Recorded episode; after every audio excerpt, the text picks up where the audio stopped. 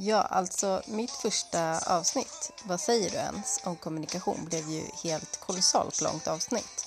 Och jag hade tänkt att jag skulle ha något så här efter avsnittet avsnitt. Eh, det, där eh, någon eller några får diskutera och reflektera om det avsnitt som har varit. Eller eventuellt ett inför nästa avsnitt eh, där jag bjuder in lite experter och eh, några funderare.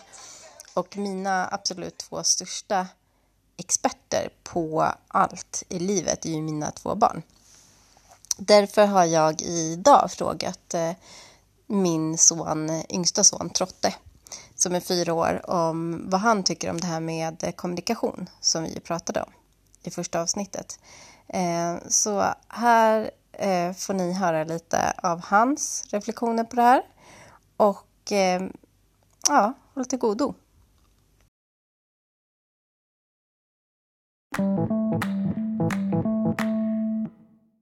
Mamma frågar Trotte. Vad ska man göra när någon inte förstår Trotte?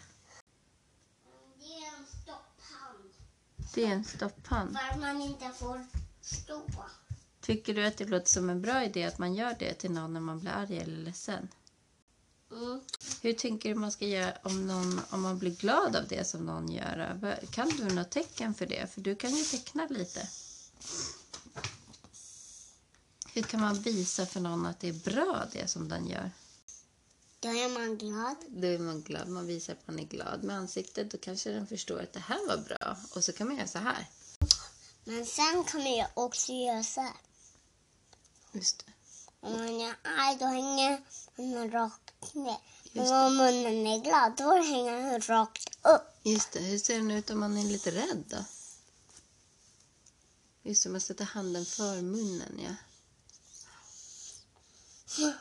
Men man blir förvånad. Då sätter man också handen för munnen.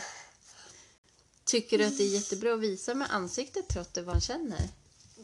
Så folk förstår? Ja. Mm. Då säger jag tack så mycket till dig Trotte för att jag fick prata med dig och välkommen tillbaka. Mm.